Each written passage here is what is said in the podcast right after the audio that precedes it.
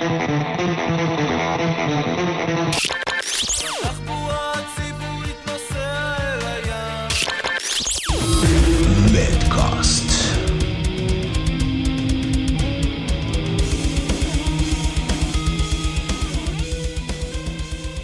הבאים למדקאסט! סוף סוף אנחנו חוזרים להקליט. ברוכים הבאים לפרק מספר 4 של המדקאסט. אהלן ארתור, היי ליאור. אהלן אשר, תכף נציג אותך אהלן. בצורה מסודרת. תודה. לפני הכל יש לנו מנהג, אנחנו נותנים אה, כבוד לספונסר שלנו שזה קורונה, הבירה. אה, ארתור מחזיק ביד את הטרופי. תן בראש. יו! לחיים, לחיים. לחיים, לחיים. זה נגמר אחי. אף פעם לא נגמרת הקורונה בקליניקה. בבקשה, לחיים. חג שמח. חג שמח. אוקיי, אז אה, כיף לחזור. היום התבשרנו אה, שכנראה ממחר אה, רשמית אפשר לחזור למים. התבשרנו שכנראה רשמית. כן, עם דגש על, ה, עם דגש על הרשמית. Uh, האורח שלנו היום הוא אורח uh, סופר uh, um, עמוק ורחב, תכף אנחנו נציג אותו, קוראים לו uh, איתי אשר. Uh, לפני שאנחנו, uh, אהלן איתי, אהלן אהלן. uh, לפני שאנחנו uh, נכנסים לשיחה מעניינת, סופר מעניינת עם איתי אשר, אנחנו קצת רוצים לדבר על המצב שלנו, פוסט, אה, פוסט הסגר, מה קורה, ארתור, אה, אני לא יודע מה קורה, אני לא יודע איזה יום היום. גם אני לא. אז אני אני רוצה לדבר על אשר היקר. ולהציג אותו קודם כל, חבר יקר שנתן לי המון המון השראה, והתוודענו אחד אל השני איפשהו אמ, לפני כתבה של Surfing for Peace אחורה שרצית לפני. לעשות. עם רפי בל שהיה או עם רפי בל שעוד אז אני החלפתי אותו בארגון. עיתון הגלישה והתאווה קראו לזה.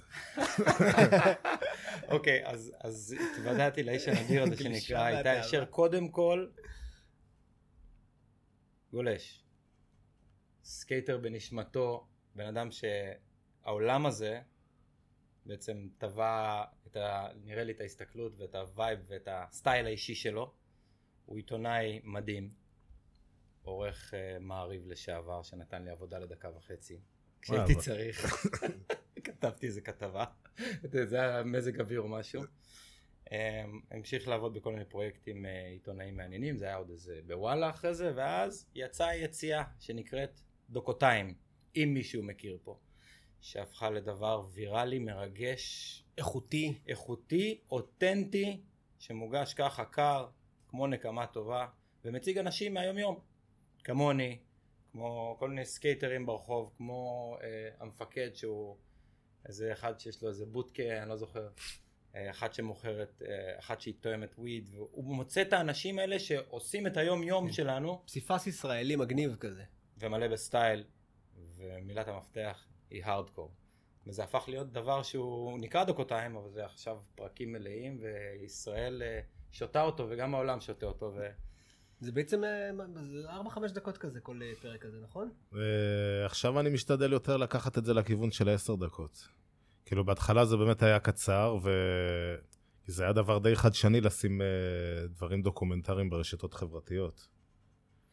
ואז עשינו את זה קצר, היינו, הייתי כאילו מאוד אה, חששתי מהעניין, אז זה היה יותר באמת לכיוון של שתי דקות, ומזה גם נגזר השם, דוקותיים, דקות, אבל זה אף פעם לא התחייב להיות שתי דקות בול. ברוח השתי דקות. כן, כאילו במהירות ובקצב, ועד לאט לאט זה כאילו תפס, ואני העזתי יותר. וזהו, היום אני אוהב כאילו לתת לאנשים 10 דקות. עכשיו גם עשיתי משהו, יש לי סדרה לבנון, 22, 23 דקות, ואנשים צופים. פרק הראשון. כן. אז כאילו שלגרום לאנשים לצפות בך, גם כשאתה עושה משהו ארוך. תכף נדבר בהמשך על הסדרה הזאת הלבנון, כי נראה לי את הפרק הראשון, ותכף ניכנס לזה, באמת נתתי לחזור איך- איך איך חזרנו כאילו אחורה ככה. לא, אז בוא, בוא נלך רגע אחורה, אנחנו פה בעצם נמצאים, זה מדקאסט שמבוסס על כל הלייפסטייל שאנחנו חיים, מכירים ואוהבים, והמטרה היא, היא לא רק להביא את הגולשים הכי מוכרים, הכי טובים, הכי ותיקים, אלא גולשים גם שתורמים המון המון לעולם הזה, לא רק דרך עובדי ליפים. כן.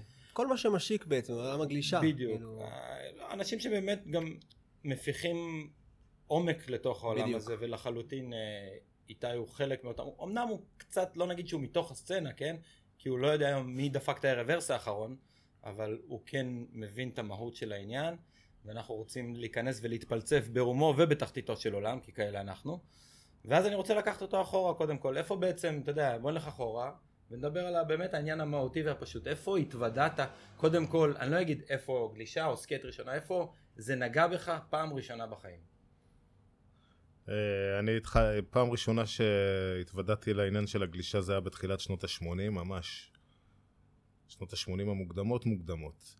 אה, גרתי בכפר, אני, גר, אני מכפר סבא, גולש כפר סבאי, וגרתי בשכונה שנקראת שכונת חיל הים. שרצו לעשות משהו כמו שיש טייסים ברמת שרון, אז רצו להביא אנשי חיל הים, יענו, מפקדי ספינות טילים לכפר סבא.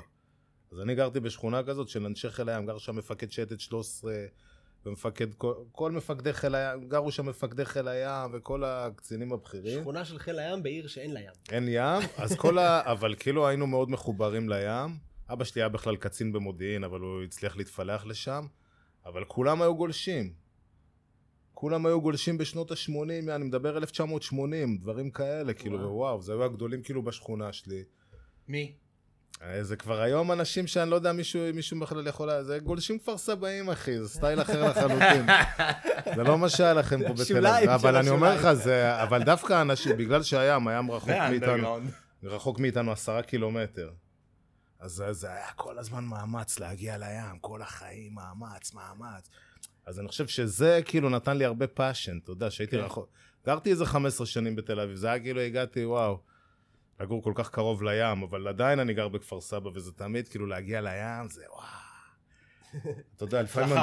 נוסע בפקקים שעה וחצי מכפר סבא לים בהרצליה, היום כבר, כבר לא, אבל זה כאילו, זה חגיגה אמיתית, זה לא מובן מאליו. ברור, זה הרעב גם. הילד שלי, אני רואה את הילדים שלי גם, אותו דבר, בטירוף, הבן שלי בטירוף, כאילו להגיע לים כבר. אני רוצה להגיד משהו מאוד חשוב בתור ילד שהיה מונח לו פה על המגש והלך ברגל וכל אילטון היה בתוך הבניין והכל היה רגיל אז אני הולך קדימה שעבדתי באינטרסופט תקופה ובא מישהו ביקש גלשן כזה היה נראה לא בטוח אמרתי לו מאיפה אתה? אמר לי אני מירושלים נדהמתי גולש מירושלים. כן אז המרחק הזה ועצם העובדה שאתה צריך לעבוד רק בשביל להגיע ברור, לקו זה המים עוד יותר קומיטמנט. ה commitment וה passion והרעב. אני באמת מרגיש כאילו לפעמים לא נעים, כאילו זה היה לי כזה כך, מוג... כאילו נוח, לי היה נוח. זו אותה פרספקטיבה של גולשים ב- ב- בחו"ל, שמסתכלים על איזה גולשים ישראלים, אומרים, "רגע, אין לכם בכלל גלים, איך אתם... כ- משם הרעב בדיוק.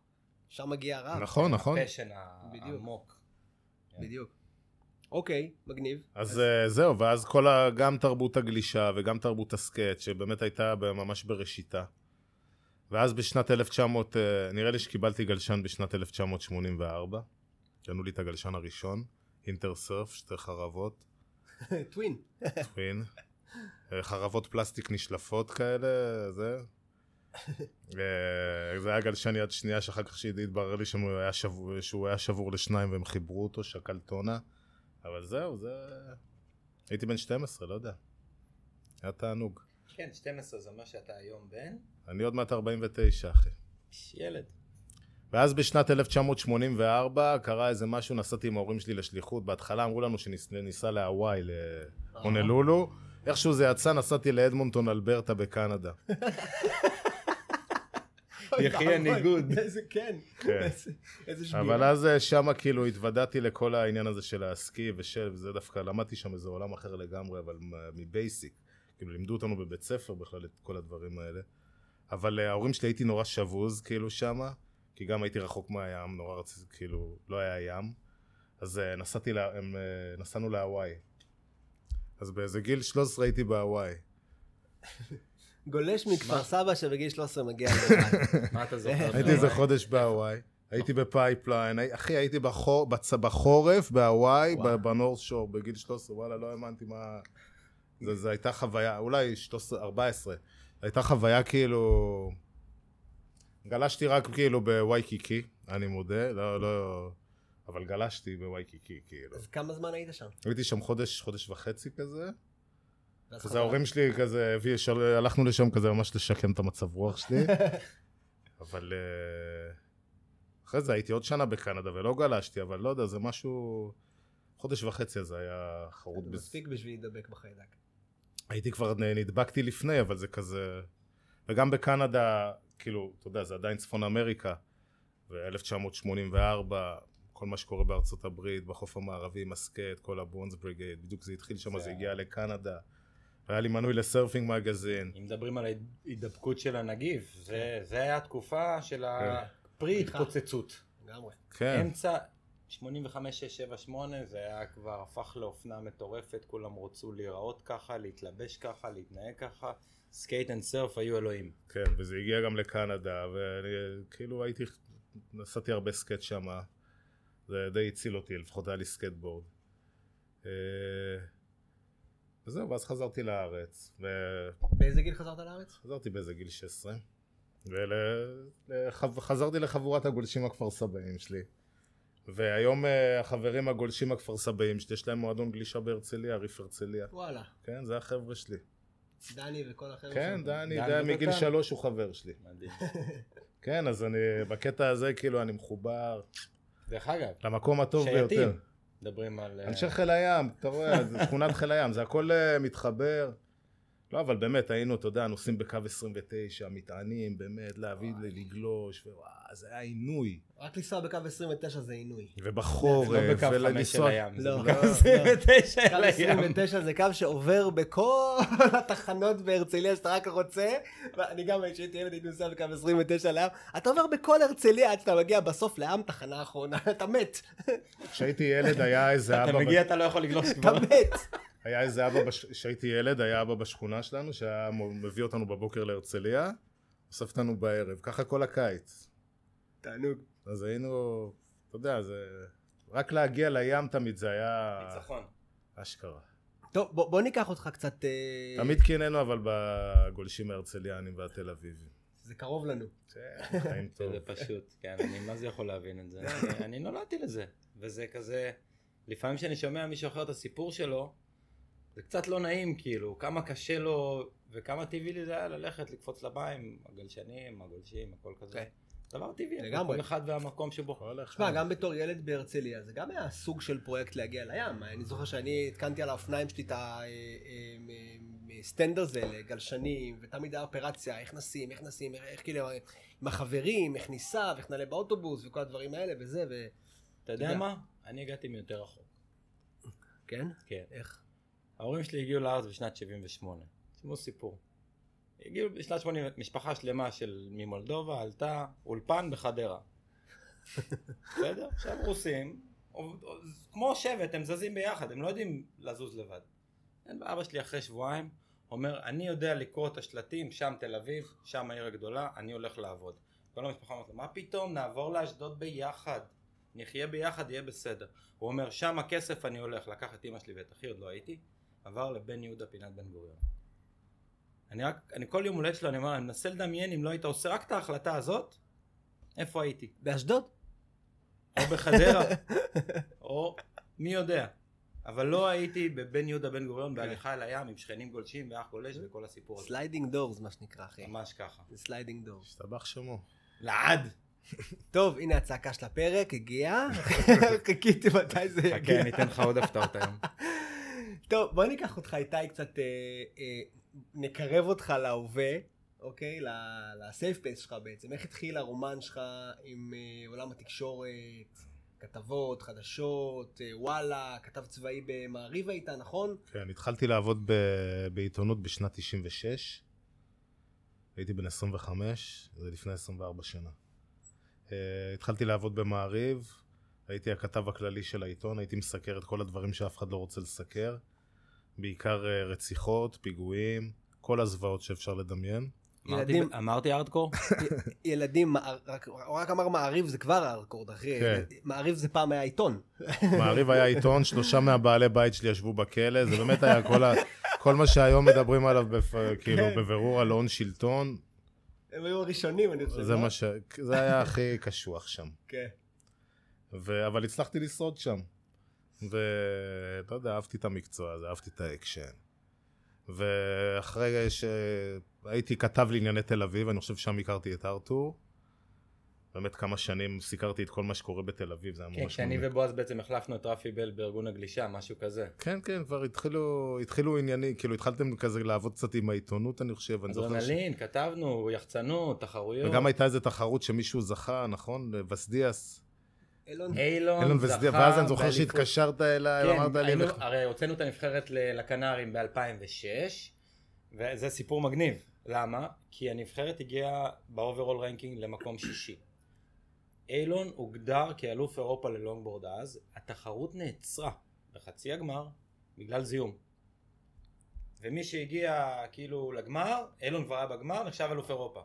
אז התחלנו וזה, מה ההגדרות, מה הסמנטיקה, ואני זוכר אותי בעצם מדבר עם אשר, עשינו מהקנרים, כן, מסביר לו. ב-2006. עשינו לא, זה כותרת. כן, והייתה כותרת, אה, יש אלוף אירופה, הוא אמר, אפשר להגיד אלוף? אפשר להגיד אלוף. אז כן, אז, אה, אני נזכר, זה היה הסיפור. קיצר, אז הייתי כתב חדשות, אחר כך אה, הייתי הכתב הצבאי של העיתון בזמן האינתיפאדה השנייה, גם חוויות הארדקור לא מעט, מבצעים חטיבתיים עם... בתוך אה, רצועת עזה, וואו. ב- כן. ממש חוויות אה, קשוחות. ואז עברתי לתפקידי עריכה בעיתון, עד שבסוף נהייתי מנהל החדשות אה, בעיתון, ואז סידרתי לארתור עבודה במעריב. רגע, רגע. אמר לי, תבוא מפוקס. אחי, גלשתי אתמול. היה גלים בשבת הזאת, סוף הדרך. הגעתי בשש למשמרת, מנקר. ככה מנקר, מנקר, איך שהוא עושה. לא היה נעים, חבר הביא אותי, ניסה להכניס אותי לעניינים, איזה בושות. אני זוכר. ואז הגיע בדיוק איזה ערב, הגיע בעל הבית לעיתון והציגו לו כזה את כל העובדים, אתה זוכר את זה? הציגו לו את העובד החדש בדסק החדשות של. הבין. זה חבר של איתי.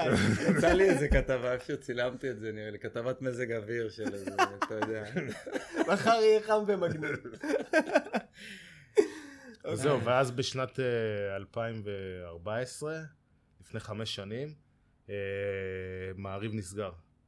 כאילו תמיד היו, בגלל שהמצב הכלכלי של מעריב תמיד היה כזה רעוע, באיזה שנה זה היה?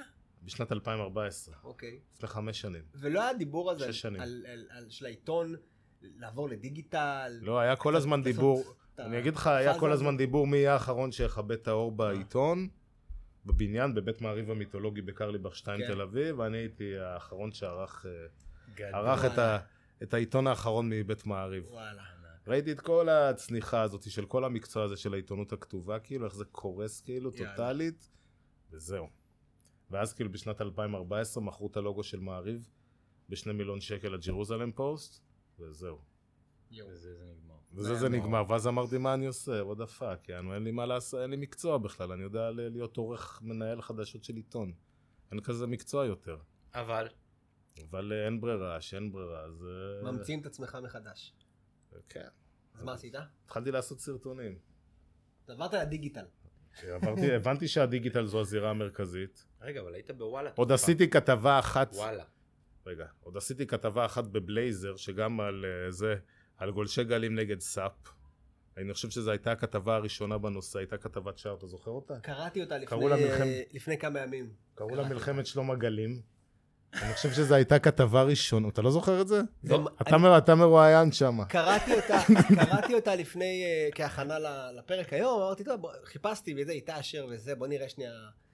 מצאתי את הכתבה הזאת, ובהתחלה היא לא עלתה. אמרתי, בלייזר וזה, אולי, אולי ירד האתר, כאילו, וזה, וניסיתי, ופאק, עלתה הכתבה. ואני קורא את הכתבה, והיא סופר רלוונטית להיום. זה מדהים, היא כל כך רלוונטית. אבל אני כאילו חושב. שבעקבות הכתבה הזאת דווקא היא שינתה סדרי עולם, כי זה שם תמונת מראה רצינית מאוד לאנשי הסאפ.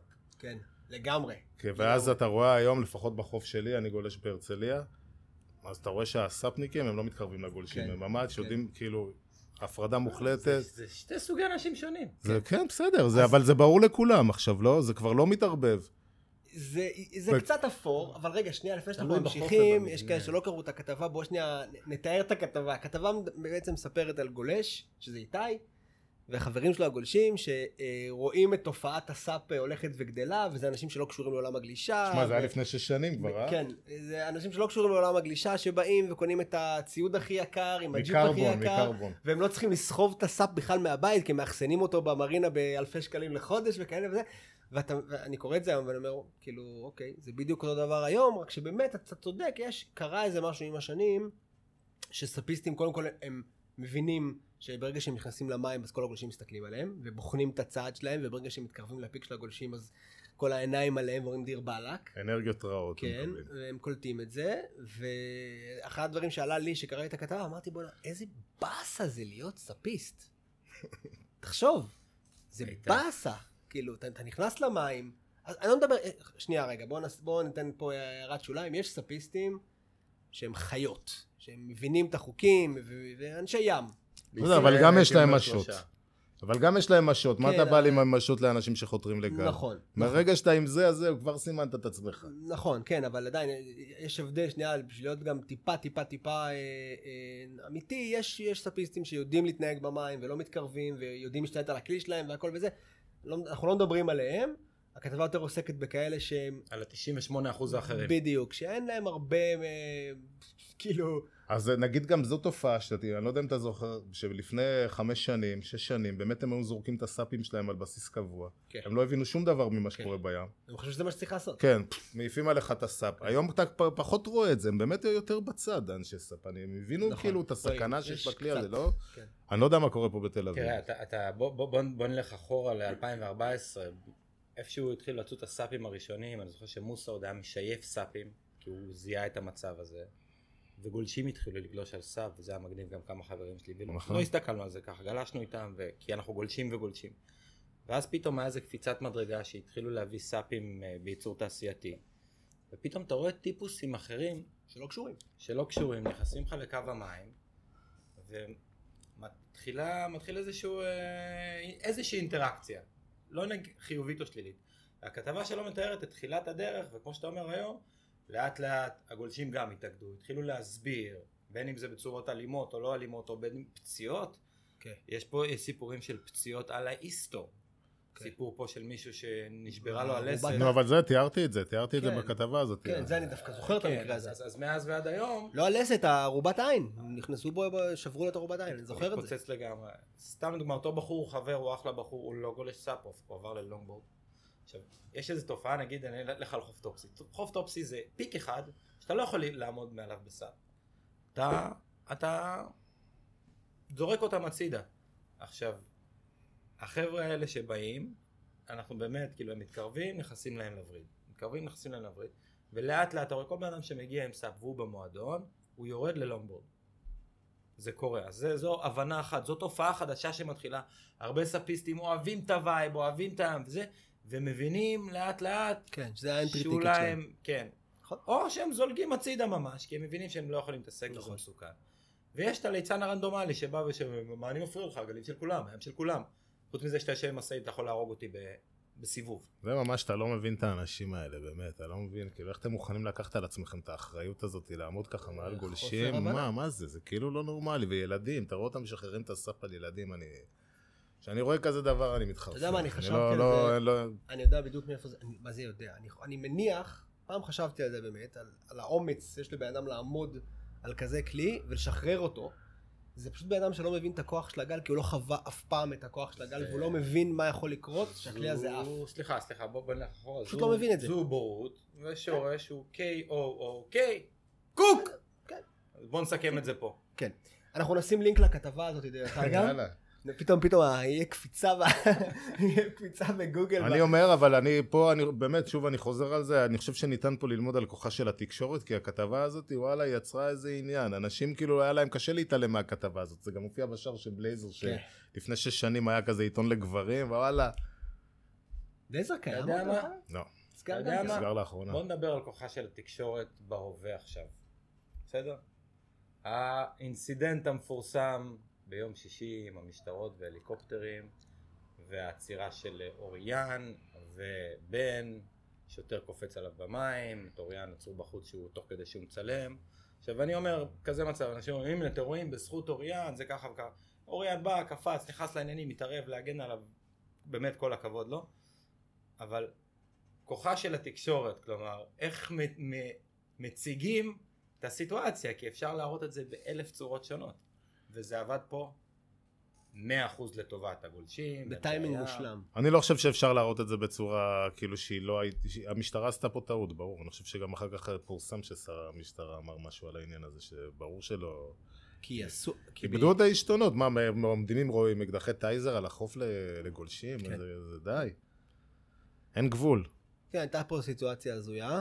אה, אחרי זה זה פתח את הכל, זהו. יום אחרי זה הלכתי עם הגלשן, וכבר אף אחד לא... הלכתי ליד ניידת, אף בהרצליה אף שוטר לא אמר לי אז- כלום. אז, פה יש כמה אה, אה, רבדים לכוחה של התקשורת. אחד, שהתקשורת, כל הסופש פוצצה את זה. זה היה בהדליינס, והטלפון שלי ושל עוד הרבה חבר'ה אחרים צלצל כל הזמן, אנשים רצו ל- לראיין אותם, כי היא רצתה לשים את זה על סדר היום. כן. לא משנה בכזה מצב שדווקא גולשים מגיעים, שמדינה שלמה קורסת, זה עיוות אחר, אבל לא נדבר על זה.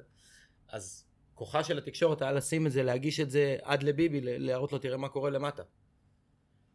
אז- אבל, סליחה שאני קוטע אותך רגע, יש פה באמת שאלה, שאני אז חשבתי עליה, זוכר גם דיברתי, אני ואנחנו דיברנו על העניין הזה.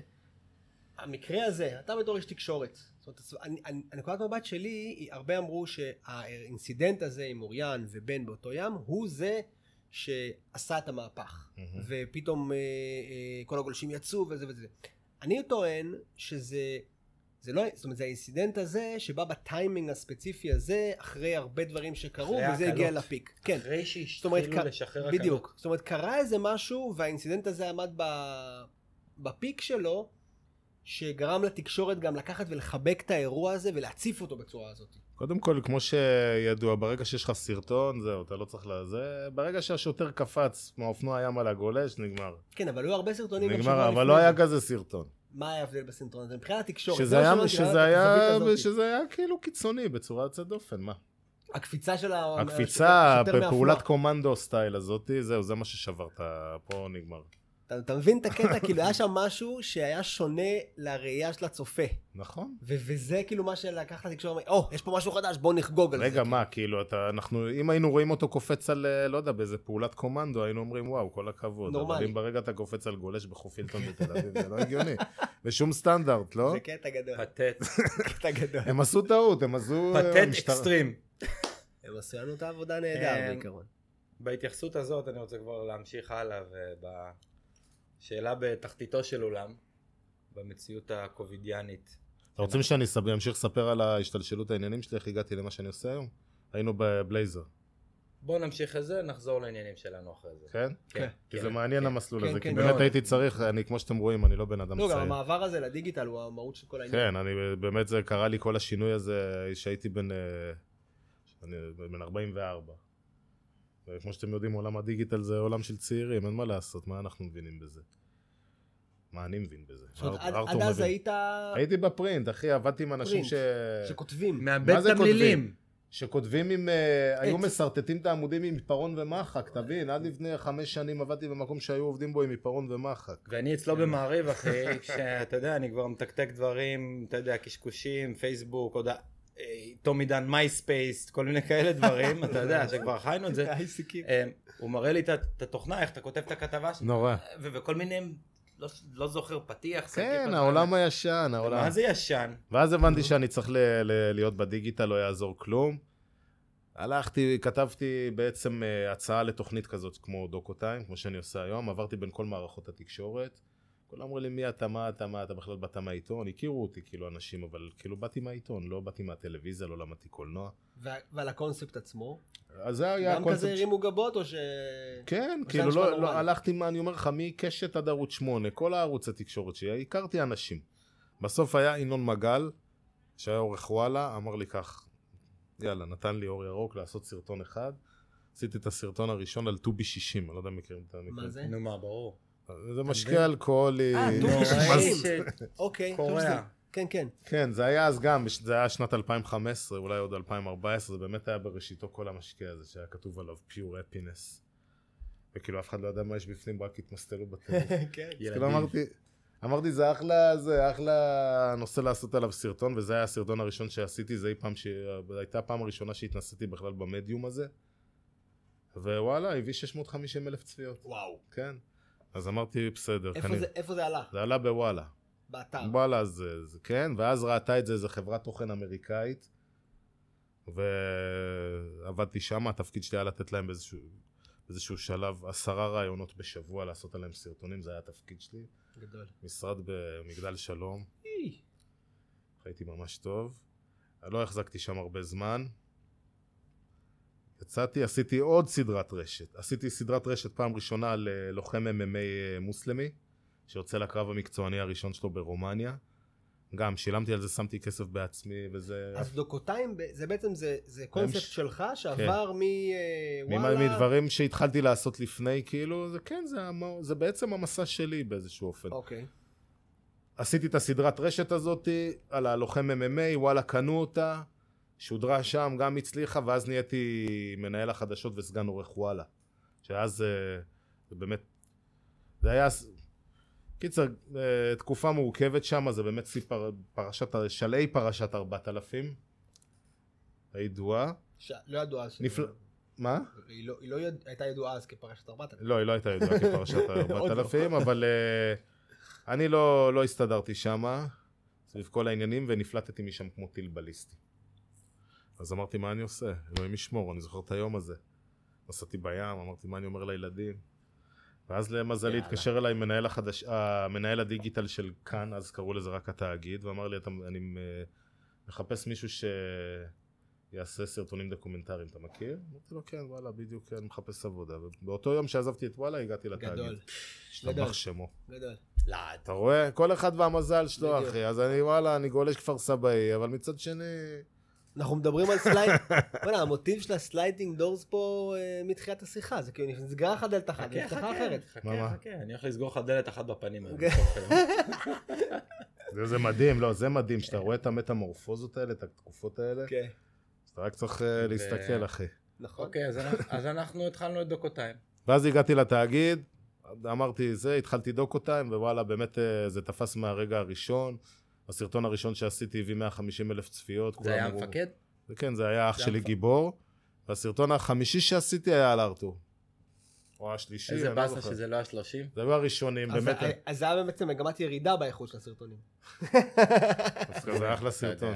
אז באמת הקפדנו יותר על הכיוון שזה היה מאוד קצר, אבל אמרתי באמת, מה אני עושה? אני אמרתי, אני אלך לטיפוסים שאני מכיר, כזה במעגל... עד שאני אבין. מה אני רוצה, אני אלך כאילו לקומפורט זון. כאילו, אבל זה מדהים, זה כאילו היה ממש הקונספט שכאן היו צריכים, כי כאן כן. נולדו, וזה היה כזה תאגיד אני- השידור, אם אתה רוצה שאני אדבר על. הקונספט, אז כאילו, אני, מהרגע הראשון כאילו, אמרנו, אנחנו עושים דיגיטל. אני עוד הייתי בטראומה מהתקופה שעברתי בוואלה. אנחנו לא עושים טלוויזיה בדיגיטל, אנחנו עושים דיגיטל, דיגיטל, וזה אומר, כל מה שהכרנו מהעיתונות הישנה, מהתקשורת היש- הישנה, להפוך את זה 180 מעלות. כל, כל עוד זה לא 180 מעלות, זה פייק כמו בדיוק. התקשורת הישנה. בדיוק. אני חושב שבעידן המהפכה הדיגיטלית, גרמה לנו להבין ביתר קלות מה אמיתי ומה פייק. מה זה אומר אבל, המאה- תתן לי דוגמה למה זה 180 מעלות, זאת אומרת, מה- מה לא עושים פה אה. ועושים פה. אני למשל לא עובד עם יחצנים. אוקיי. אם תסתכל היום כל התקשורת, תפתח את הטלוויזיה, תראה כל העיתונאים עומדים ומקריאים בעצם הודעות דובר. נכון? מכיר. אני לא עובד עם דוברים, יחצנים ויועצי תקשורת מכיר. בכלל. מי שפונה אליי, תודה רבה. אני מגיע לסיפורים בעצמי. תוכן אמיתי, תוכן אמיתי, אורגינל, בלי אינטרסים, נקי. האינטרס היחידי הוא שאני אהנה. מעולה. סבבה? זאת ההצלחה. אני לא, צריך ליהנות, זה אתה- צריך אתה לעניין עומד פה על אותי. נקודה שהיא כואבת מאוד. בטח, הרבה- אני יכול הרבה להגיד לך- אנשים לא יודעים שהיום לא. החדשות, לא רק היום. לא רק היום. היום יותר אנשים יודעים את זה, כי העולם הרבה יותר בהיר. כן. ממה שהמציאות יותר ברורה. פעם, כשאני עבדתי בעיתון, אנשים לא ידעו, אבל היום תפתח עיתון. אני חושב שכל בן אדם יכול לתרגל את עצמו ולהגיד מי נתן את כן. הסיפור הזה. זה מה הכל האינטרס? מדור פרסומי אחד גדול. לגמרי, הכל אינטרסים שאתה לא, שוב, מדהים. הון, שלטון, עיתון, זה כן. באין ספור גלגולים, רק היום רואים את זה בצורה יותר ברורה. נגיד פעם היה, לא עלינו היה פיגוע, היינו עולים על האופנועים, האופ- הצלמים היו נוסעים נגד כיוון התנועה, מגיעים חמש דקות אחרי האירוע. מה הם היו מצלמים? את פינוי הפצועים נגיד? אני הייתי מתאר, הייתי כותב, כאילו מתאר את ה, מה, מה אני רואה כשהייתי מגיע עשר דקות אחרי. היום אתה כאילו מצלמות האבטחה מאפשר, מאפשרות לך לראות את. הפיגוע עצמו. בלייב, אשכרה בלייב. כן. אני זוכר שהייתי בוואלה, מתקשר אליי כתב, היה פיגוע ברעננה. מתקשר אליי כתב, נסע כל הדרך עם, עם, על השוליים. הגיע לרעננה אחרי עשר דקות, צועק, אחי, איפה הכתב, איפה הצלם? וכולו בהיסטריה. אני אומר לו, הכל בסדר, למה? כי שתי דקות אחרי זה, הבן אדם שתפס את המחבל, צילם את עצמו, בועט לו בראש. וחמש דקות אחרי זה, עיריית רעננה כבר פרסמה את הצילומים של מצלמת, של הפיגוע, ב... כפי שתועדו במצלמת האבטחה. אז היום אנחנו רואים את המציאות יותר ברור, נכון. ההתנהלות היא אחרת. בלי פילטרים, בלי פילטרים. בלי פילטרים. אז אמרתי, אני חייב לייצר דברים שהם יהיו כל כך אורגינל, אז, אז שוב, אני לא עובד עם יחצנים, אני גם לא מדבר את השפה הרגילה של הקונפליקטים שמדברים אותה בתקשורת הישראלית. אני נגיד שהייתי מנהל החדשות במעריב, לפעמים הייתי מסיים לערוך את העיתון, הייתי רואה, לצערי הרב, שיש חמש כותרות שונות, אני אישרתי אותן, אשמתי, אחריותי המלאה, אלה נגד אלה ואלה נגד אלה, אלה נגד אלה ואלה נגד אלה. מי שצורך את התקשורת מיינסטרים בישראל, משוכנע שיש פה מלחמת אזרחים, כן, נכון? לגמרי, עכשיו המציאות תכלס היא לא כזאת. ממש לא. כאילו הקונפליקטים אשכנזים נגד ספרדים, חילונים נגד דתיים, ערבים נגד יהודים ושמאלנים נגד ימנים. אז, אבל אני חושב שהיום המציאות היא כאילו, וגולשים נגד כולם. זה בראש ובראשונה, אחי. אנחנו מסתכלים על הכל בכלל מבחוץ, לא כן, קשור. מה- מהבריכה שלנו. בואו שנייה נחזור לדוקו טיים, וזה דבר שמאוד מעניין אותי, כי אני. באמת... אז לא מדברים, רגע, לא מדברים את השפה של הקונפליקטים, כולם נמצאים על איזה ספקטרום, וברגע שאתה לא מדבר את השפה הזאת של אלה נגד אלו, כבר אז אתה כבר נראה הרבה יותר אורגינל. כי השפה הזאת זה שפה שקרית, אתה מבין? נכון. זה גם הרבה יותר נקי וטהור. לא, זה נרטיב שמכוון אותך לאן שהוא ישר, הוא לא נותן לך לחשוב לבד, הוא לא מגיש לך את זה נקי על המגש, ותסיק מזה את מה שאתה רוצה. הוא נותן לך הוא לחשוב מכוון לבד. אותך כבר. לא. כן, הוא- הוא- אבל... הוא אומר, בוא, אני מציג לך סיפור. כן, הנרטיב של נגד אלה כבר מתחיל לכוון אותך לאנשהו. בכלל, אתה במקום- מכניסים. אנשים לתוך שבלונות, אתה תמיד בתוך איזה שבלונה. כאילו, אני אומר לך, בתקשורת של פעם, זה כאילו... לא, גם היום עצם... אתה לא בשבלונה, היום גם העולם הדיגיטלי מאפשר לנו איזה ספקטרום כזה אינסופי, וכולם, כל אחד יכול להגדיר את עצמו איך שהוא רוצה. נכון. לא, גם עצם הרעיון שאתה מציג קונפליקט, כמו שאתה אומר, שיש בו שני צדדים, הקורא באופן אוטומטי אומר, אוקיי, הוא נעול. באיזה צד אני? כן, הוא נעול. הוא חייב לבחור צד, הוא כאילו נכון. מרגיש שהוא חייב לבחור צד, ואז. אנשים מסתכלים על העולם ב... או שאני פה, או שאני פה, והעולם הוא לא כזה, כאילו העולם אתה הוא חייב ברובו. להזדהות עם אחד מהצדדים. כן, אתה אומר... לא, זה מה שאני אומר, אתה? בתוך שבלונה, אתה מכניסים אנשים, היו מכניסים אנשים, פעם אני הייתי חלק מהתעשייה הזאת, היינו מכניסים אנשים לתוך שבלונות. כן, וזה- וזה בדיוק הבעיה. מזה התפרנסתי פעם. אוקיי, אמ, חזרה לדוקו טיים. אני עוקב אחרי כל פרק שאתה עושה, באמת אה, מענה כל דבר, ואני רואה אותך חוזר לעולם הסקטבורד בסיבוב כל פעם. עשית על ג'ימי, עשית על צחי, עשית על ג'אנגו, כל מיני חברים שהם בכל מיני גילאים מהסצנה, באמת אה, כל אחד וה sliding door שלו. שלוש, דור שלוש, גם עם ההיפ-הופ, נכון, צודק. וכלומר, אתה גולש, ה passion הטהור שלך הוא גלישה, אבל הנטייה הטבעית שלך ליצירה ולגעת בעולם תוכן הוא דווקא עולם הסקטבורד ש... כן, כי העולם באמת, העולם הגלישה, בעולם שאני הגעתי ממנו, הגולשים והסקייטרים היו אותו דבר. נכון? ארתור מכיר את זה טוב. שהגולשים היו גם סקייטרים, וסקייטרים, זה- נכון, כאילו זה היה אותו דבר. זה היה אותו. אותו, אותם אנשים, אותו בן אדם, היה, כאילו זה היה בלתי נפרד. בוא נגדיר את זה, קריסטיאן פלטשר. כן. סקייטר, גולש, הארדקור, מוזיקה, מטאל, לכלוך, גראנג', distortion. ואז ש- שהתחיל הפיצול הזה, בטח בשנות התשעים, לא יודע מתי היה הפיצול הזה. שם. שם זה התחיל. כשהתחיל הפיצול הזה, אז אתה רואה שכאילו גלישה נהייתה יותר מיינסטרים, כי גם זה, בוא נגיד הפציעות בגלישה הן פחות קשות, כן? אם אתה סקייטר, אתה נפצע, נפצע כל, כל הזמן, כל יום, כל סשן. commitment הרבה יותר אה, רציני מאשר גלישה, לא יעזור כלום. ברור. בטון. בטח בארץ, אני לא אומר על לרדת גלים בפייפליין. בטון, בסופו של דבר אתה נופל על בטון. כן, גם סקטבורד, נגיד, אני הולך לנסוע skate flat, הפציעות, פציעות. הפיצוץ לעצמות שלי הוא זמין והוא יקרה, ואני אחזור כואב אחרי כל סשן skate, לא משנה מה. גלישה, אתה יודע, אולי היום שאני בן... אני סתם מדבר על עצמי בקטע הזה, אני מרגיש שזה קצת יותר כואב לי הגוף אחרי סשן, אבל כשאני בן 20, אני חוזר עקום הביתה אחרי סשן skate, אחרי גלישה אני חוזר יותר רגוע, chill וקצת עייף. אז אה, מה שמושך אותי ב skate זה שאני מרגיש שבאיזשהו אופן הגלישה קצת כאילו איבדה את ה... ה feel הגראנג'י. את הארדקור החספוס. הזה, את החספוס הזה, כי זה באמת נהיה משהו מיינסטרימי כזה. באסה. באסה. אני? יודע באסה, לא יודע באסה, יש מלא קוקס, אתה לא, לא, לא רואה אותם, ויאללה, אז מה?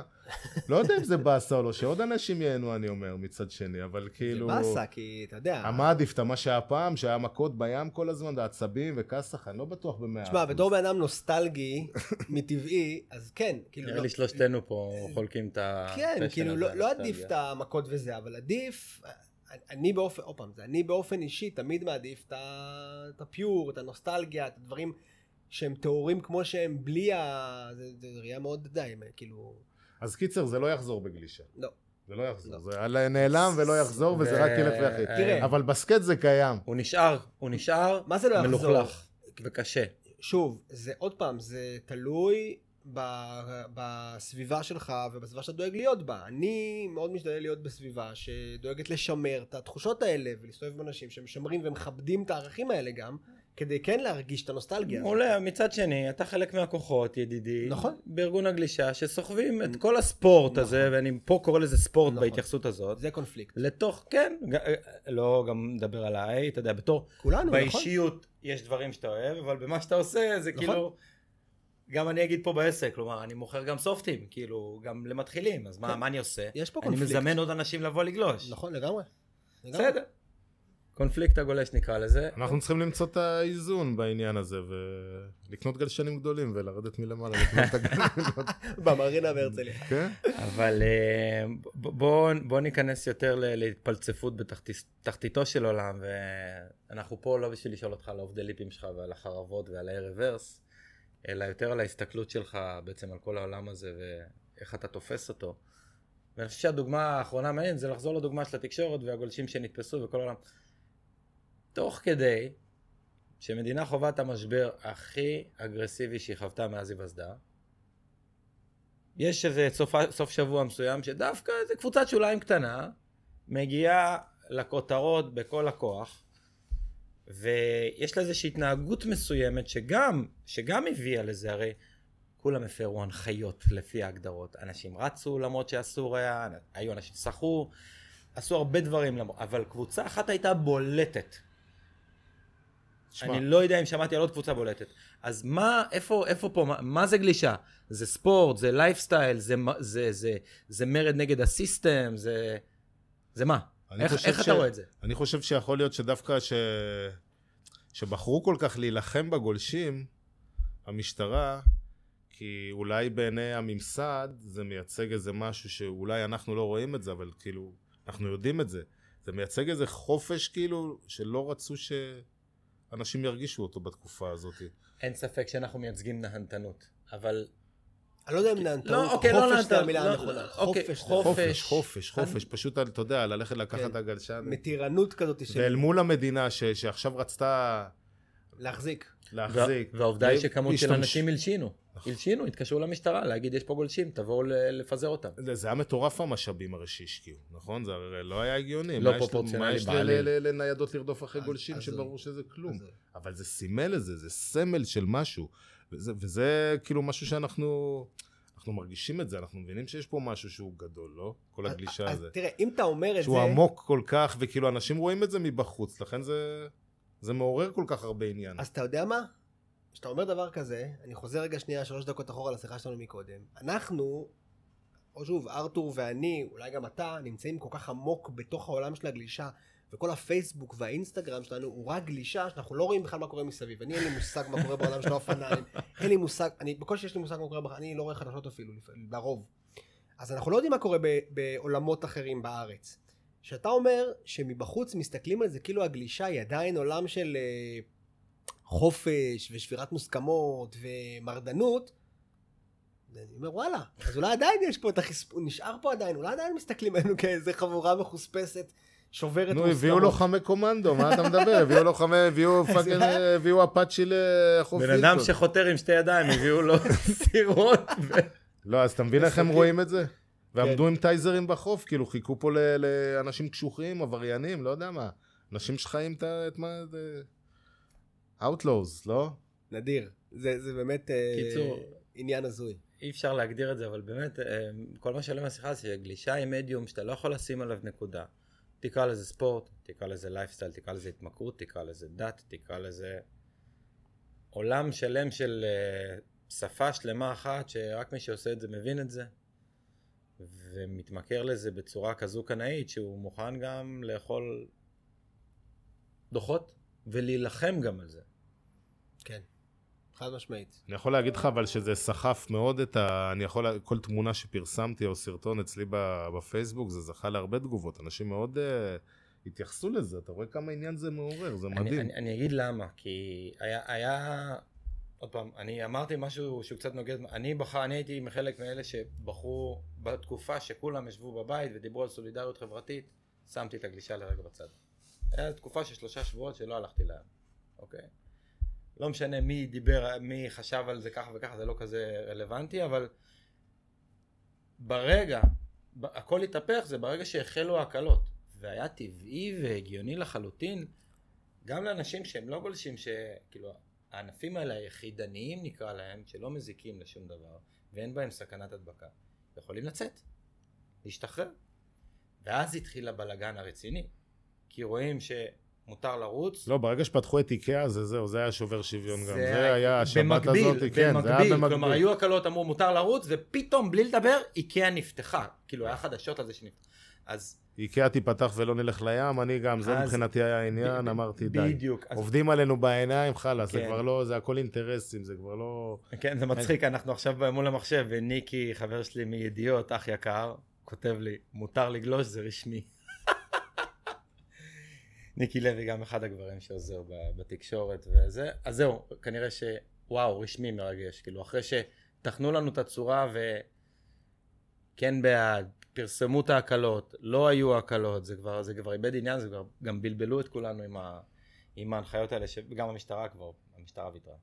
כן, היא ויתרה כי היא הבינה שזה חסר תכלית.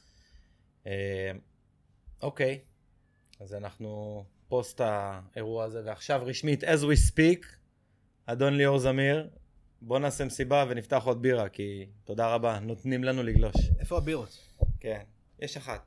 אני אביא בירות. אני אעשה לחיים עם אשר היקר. אני הולך להביא בירה. לך לך תביא בירה מהר. ובינתיים, עשיתי סרטונים על גולשים, זה לא נכון ארתור שאתה... כאילו עשיתי עליך.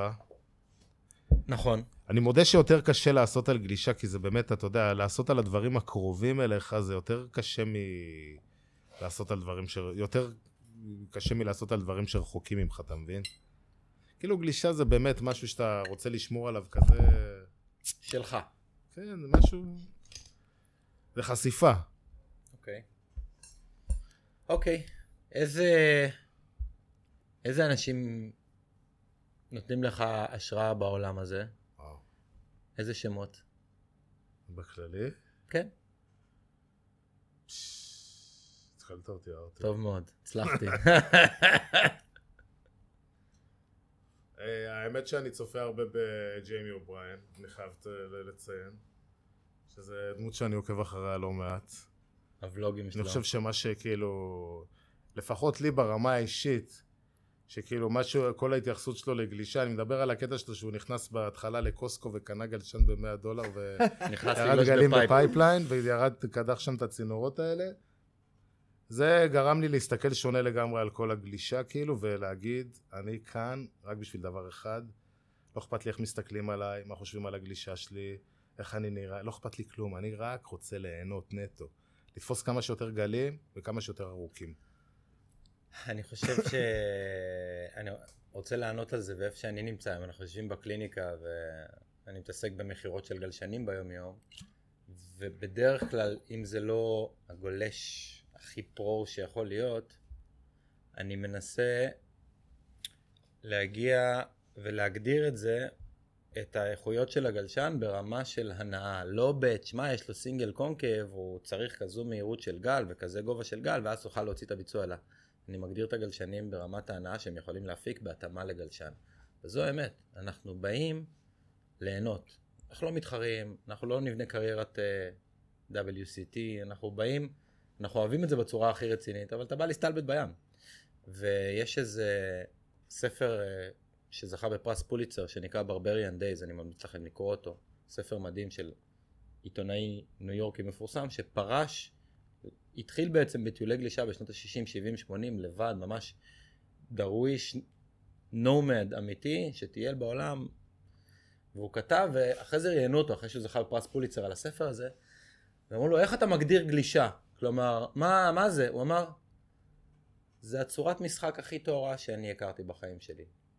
זהו. אחלה הגדרה. אחלה הגדרה. אנשים שנותנים השראה, אתה מדבר רק בעולם הגלישה והסקט, או ב... בעולם שאנחנו קצת יותר, אתה יודע. אני גם מאוד אוהב את צחי עינת. הוא משהו, באמת, הכרתי את הבן אדם הזה. אתה מכיר אותו? בטח. נראה אותו בסקטבורד הוא- בהרצליה. הוא מלמד באמת- את הילד שלי לנסוע סקייט, אבל כן. בלי קשר, כאילו, זה בן אדם, זה אתה רואה מה זה commitment של skater, כאילו, שדברים ש... זה באמת מעורר השראה. אני יוצא לראות את צחי המון בסקייט פארק בהרצליה, ואחד הדברים שאני הכי נהנה לראות אותו, זה את העבודה שלו עם ילדים. ידעתי שאתה תבוא להגיד את זה, וזה מאוד מאוד מעניין, כי הילד הזה הוא כזה ארדקור, חבל. מופרע, בדיוק בגלל זה אני אומר את זה. ואז אתה יודע, אתה רואה את ה... אתה- אתה רואה את העדינות שלו, את העב... זה פשוט מדהים, אני אומר לך, אני יצא לראות אותו כמה פעמים, וזה פשוט כיף להסתכל עליו, איך הוא מלמד ילד בן חמש, שש, שבע, לרדת דרופ ב- ב- ב- בפול שם, וכל מיני דברים, אתה רואה את העדינות שלו, אתה אומר וואלה, זה סקטר הכי ארדקור שיש במדינה הזאת, כאילו, והוא, והוא, יש לו את הגישה, הילדים, וזה כיף לראות את זה, את הצד הזה אצלו. עשית עליו, עשית על צח... כן, עשית, ראיתי את כן. הדוקו עשיתי. עליו, כן. שאלה שעניינה אותי לשאול אותך דווקא, אה, זאת אומרת, עבודה של כתב כמוך, במיוחד ב, ב, בתחום של דיגיטל, יש לה איזשהו, איזשהו פן אה, אומנותי כן. בעצם. עכשיו אומנים, את הדלק שלהם, את ה drive שלהם, שואבים מפידבק. אוקיי, זה הזמר, יש לו את הקהל שמריע לו, צייר יש לו את התערוכות שבאים ומוחאים לו כפיים וכאלה וזה. אה, מה ה drive שלך? זאת אומרת, מה הפידבק שאתה ניזון. ממנו? ו- זה היופי בעולם החדש, שהפידבק הוא מדהים, הוא במספרים. אני מסתכל על הצפיות. אתה מבין? אני, המטרה שלי שכל סרטון שאני עושה יהיה ויראלי. וזה הפידבק שלך. מה, שזה, יותר טוב שזה מזה? מדהים שאין כזה פידבק בעולם של, ה, של הטרום דיגיטל. לא, כאילו, בעולם הישן, כזה. נגיד הייתי כתב בעיתון, אז איך היו קובעים אם אני טוב או לא? איך? אין דבר כזה. אין כמה- דה- הכל כמה- ד- דעות אישיות, היו אומרים וואלה אתה בחבר'ה, אתה מגנה, לא יודע, זה, אתה בא לבלוק, לא יודע מה, אתה זה, סבבה. אתה בחבר'ה. באמת לא היה שום מדד שימדוד את הרלוונטיות בקושי, שלך. כאילו כמה אתה, מה הרייטינג שלך מבין כל הכתבים בעיתון? היום נגיד איזה כתב משדר, נגיד בטלוויזיה, הוא מביא סקופ. אי אפשר לדעת מה המשקל הסגולי שלו תכלס. נכון. היום הכל אתה יודע, הכל במספרים, צפיות. הבאת את הצפיות או לא הבאת את הצפיות? אם הבאת את הצפיות, כנראה עשית משהו נכון. מה הכי הרבה שהבאת? הכי הרבה, רק בפייסבוק כאילו זה שלושה מיליון, יותר. וואו. זה, על כתבה אחת? זה סרטון אחד, זה וואו, לא ש- כתבות. ש- אני בכלל לא מגדיר את עצמי כ... כאילו פעם הייתי מגדיר את עצמי ככתב, היום אני, אני עושה סרטונים. כן. זה לא כתבה כמו שהיו כתבות פעם, שהיית בא, מראיין את זה ואת זה ואת זה, ועושה איזה מישמש וקצת מצלם וזה. לא, אני עושה פה ממש... אני לא רוצה להגיד סרט, אבל סרטון דוקומנטרי. על בן אדם, מראה מי הבן אדם, מלווה אותו. לפעמים זה יום אחד, לפעמים זה שלושה ימים. אז עשיתי סרטון על אה, מג"בניקים בדרום תל אביב שמטפלים במג... בנרקומנים, מה. שקורה. ראית את זה? בטח. אז זה הגיע לשלושה מיליון צפיות בפייסבוק, יותר אפילו, ועוד אה, חצי מיליון זה ביוטיוב. משודר אבל גם בערוץ, נכון? הוא משודר גם בערוץ, אבל זה פחות אה, העניין שלי. כן. אני העניין שלי זה. רק רשתות חברתיות, פייסבוק, יוטיוב, אינסטגרם, IGTV, תגיד רק עכשיו... הדברים אה, האלה. העולם החדש. מדהים. אנחנו כמעט פוסט התקופה הפסיכית הזאת של ה... נקרא לזה שישה, שבעה, שמונה שבועות האחרונים. מה עשית תוך כדי? וואי, עשיתי מיליון סרטונים. באמת בהתחלה, איזה כיף לו. הייתי בהת- הייתי בהתחלה, כל מי שאתה שואל אותו שאלה בתקופה האחרונה, לא עשיתי כלום אחי, ראיתי טלוויזיה. לא, הייתי בא, אני אומר- התפוצץ לי הוואטסאפ, כן. נשרף לי הפייסבוק. אמרתי באיזשהו קטע, כאילו בשלב מוקדם, אני שוב, אני בן אדם אה, בן 49, אני יש לי קצת ניסיון חיים. אמרתי, משבר זה תמיד הזדמנות, וגם היה לי, כאילו בגלל שאני עובד בכאן אז כאילו יכולתי להסתובב. אמרתי וואלה אני מצלם, לא משנה מה, חיוני, אה? מסתובב, כן, עובד חיוני, ועשיתי דברים ממש משוגעים מ... להסתובב עם אה, סוחר אה, וויד בתל אביב בלילה, פה באיזה לילה של סגר. ועד להסת... גדול. כן. אדיר. ראיתי את זה. ראית? כן. הוא גם קורא לעצמו הדוק. סלח לי, ראיתי את זה, אבל נרדמתי, אחי, כי זה היה באיזה שעה הזויה בלילה, שאני כבר לא יודע מי אני, אתה יודע, בתקופה הזאת, אז אה, אני. אחזור לזה מילה. ודרך... אה, אתה עורך אותם לבד? לא, יש לי אורחים, יש לי צלמים, אני ממש אה, תנאים טובים. יש לי צלמים, רוקסטאר. אתה כן. מבין את התוכן ויש לך... יש לי עורכים, לא, אני גם. מביים, אני מביים גם את העריכה, אבל כאילו. יש לי עורכים מדהימים, לא, יש לי צוות מדהים, אני חייב להגיד, באמת, משהו, אנשים סופר מקצועיים. אני עובד עם ה top level, זה מדהים. עשיתי סרטון על אה, בן אדם סודני, איזה צעיר סודני שחי פה בדרום תל אביב, תותח. ומחלק אה, אוכל איזה ו- תותח. לכל מיני סודנים שם בסגר.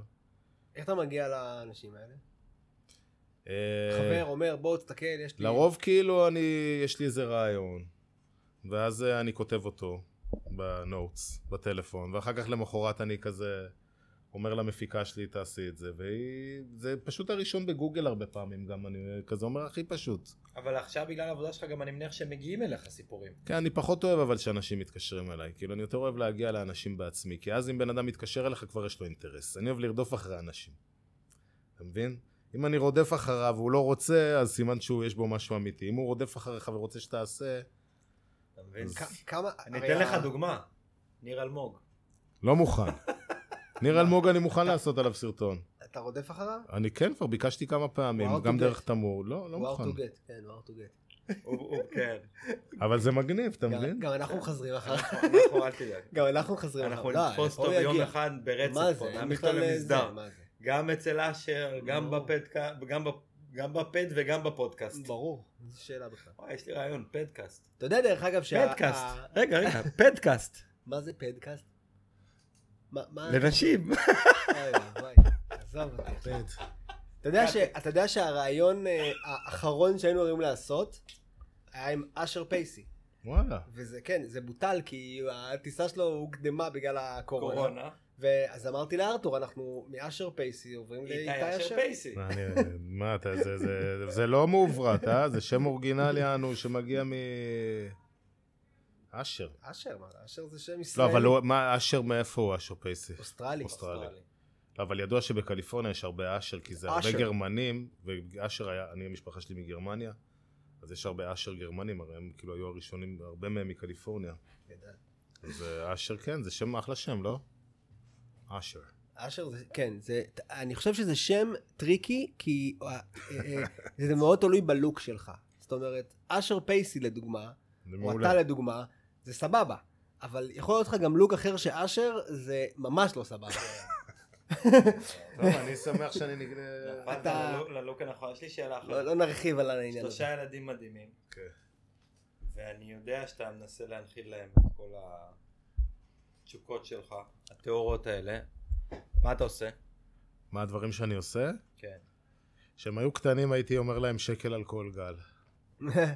אני לא יכול להגיד, תשמע, זה מאוד tricky העניין הזה, אני אומר פה מי מקשיבים לזה הורים צעירים, זה לא ממש... לדחוף את הילדים. לא, זה כאילו. וואו, זה ממש כאילו... זה קשה, זה קשה הדבר הזה, כאילו, איך אתה... כי אתה כל כך רוצה לתת, והם לא תמיד כן. רוצים לקבל, ויש פה גם תמיד... הם גם צריכים למרוד בך, ובמה הם ימרדו? מה... אני תפסתי אבא את שלהם עצמי... גולש, מה, מה? כן. אבל עדיין, אתה מבין? אז זה יוצא פה הפוך עליו, צריך להיזהר, לעשות את זה בזהירות, במשורה. לא לדחוף, לא לזרוק, לא כלום, וממש כאילו לנסות הכי לזרום עם זה, כמה שאתם חושבים שוואו, הבן שלכם עומד במקום הלא נכון, אל תגידו לו. אל תגידו לו איפה לעמוד עכשיו, כאילו, שזה, הוא, הוא ימצא בעצמו את הלוקיישן, ברגע שאתה אומר זה יוצר מתח, כאילו, זה, זה מאוד uh, עדין. אני. נפלתי בזה גדול. נפלתי בזה התרסקות. כאילו, אני. לימדתי את הבן שלי לגלוש, ובהתחלה הוא היה בן... איך אה, בדיוק לימדת אותו לגלוש ליאור? אתה גם צריך ללמוד לגלוש. הזדיין. והוא היה, זה היה, הוא היה בן 7-8, משהו כזה, והיה לו חודש מעולה. הוא היה עושה את ה pop-up, מושלם. ואחרי זה, פתאום, הוא התחיל עם הברכיים. כאילו, רגרסיה, כן. יואו, וזה הטריף אותי. כן, אה, כשהייתי מכיר ראיתי אותו רואה את זה. הברכיים שלו נוגעים בה, זה הטריף אותי, ו- ו- ו- וכאילו, פשוט פוצצתי עליו, ושנייה אחרי זה תפסתי את עצמי, זה כבר היה כאילו אבוד, הוא כבר, זהו. זה זהו? כאילו, כאילו, מה זה זהו? הוא, הוא גלש פה ושם קצת אחרי זה וזה, אבל זה כאילו, זה הטעות. זה הטעות. אני רואה עכשיו הבן שלי בן 17 וחצי, ויש לי כאילו... נראה לי זה עכשיו נפתח אצלו ביג טיים כזה, זה היה שווה כל ה... נתפס לו. זהו, אז אני זה, שחררתי. זה תלוי. גם עניין של גיל, נראה לי. שכאילו שמתקדמים קצת בגיל, הם תופסים קצת יותר ביטחון בפיזיות כן, שלהם. כן.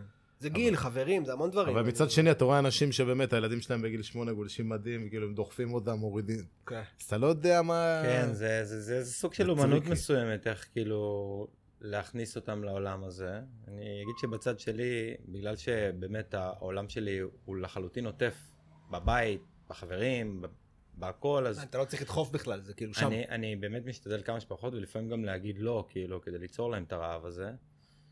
וזה עובד, ואני גם, אני חייב להגיד שאני כהורה שמאוד מאוד רוצה שהילדים שלו יעשו, אני, הדבר הכי חשוב לי זה שהם ייהנו מזה. לא רוצה שיהיו לו אלופי הארץ, ברור. ולא תחרויות, ולא ייכנסו ל mindset הזה בכלל. אני, חשוב לי ש, שייהנו מזה ויאהבו את זה ויכבדו את העולם הזה בכיף שלהם. וגם שכנעתי את עצמי שגם אם לא, גם בסדר. כן. כל אחד. לא, אתה יודע, אתה. רוצה שיהיה להם את המקום הזה שלך היה כל החיים, את נכון. המקום הזה, וכאילו, זה, זה, זה חבל שלא יהיה להם את זה. נכון. אבל אתה לא- אתה לא רואה שהם לא רואים את זה ככה. הם נכון. כאילו במקום אחר, כן. הם לא במקום שלך. זה הבעיה. כן, אתה, כאילו זה כזה דבר, זה המפלט שלך כל השנים, אתה כן. אומר, וואו, תיקחו את המתנה האדי- האדירה הזאת, תפתח בפניכם כל כך הרבה דברים, ולא יש כאלה שזה עובד להם הפוך פשוט. כן. לא להתערב, לאפשר, אבל לא לדחוף. לא, אני, אני מאז שחררתי לגמרי, לגמרי, לגמרי. אפילו הבן שלי אמר לי, אבא, אני רוצה לבוא איתך, אמרתי לו, עזוב, אל תבוא איתי.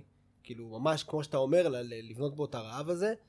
אז אני עכשיו בשלב הזה, הוא גם בספורט אחר, אז... אה, אבל אה, כן, זה... אני, אני נגיד קטע. מאוד, מאוד התרגשתי לפני זה, עוד שהיינו, מה שנקרא, בצינוק לפני שלושה ארבעה שבועות.